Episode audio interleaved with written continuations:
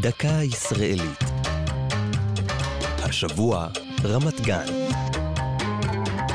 והפעם עיר גנים.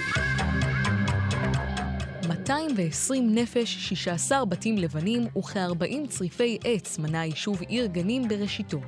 מייסדיו, קבוצת פקידים ומורים, שבין חבריה היו אחדים מראשוני תל אביב, חלמו על יישוב חקלאי בגבעות החשופות הסמוכות לעיר יפו. בדמיונם ראו חיי חקלאות וטבע לצד נוחות וקרבה לעיר, בהתאם לרעיון האדריכלי שהגה אבן עזר האווארד הבריטי על ערי הגנים.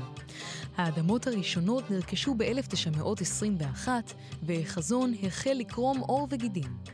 למרות התקציב הנמוך ועל אף קשיי השיכון, נטעו חלוצי היישוב פרדסים, הרחיבו את שטחו ואפילו חנכו גן ציבורי. באפריל 1923 נערכה הצבעה, ובסיומה נקבע שם חדש, רמת גן. עם שינוי השם חלו שינויים גם באופי המקום. תחילה זנחו המתיישבים את החזון השיתופי, ואחר כך הניחו את המגל והחרמש למען עיסוק בתעשייה.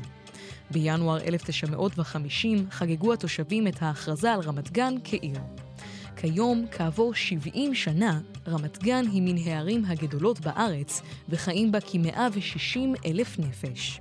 זו הייתה דקה ישראלית על רמת גן ועיר גנים. כתבה נעמי קנטור יצחייק. ייעוץ הדוקטור מרדכי נאור. עורך ליאור פרידמן.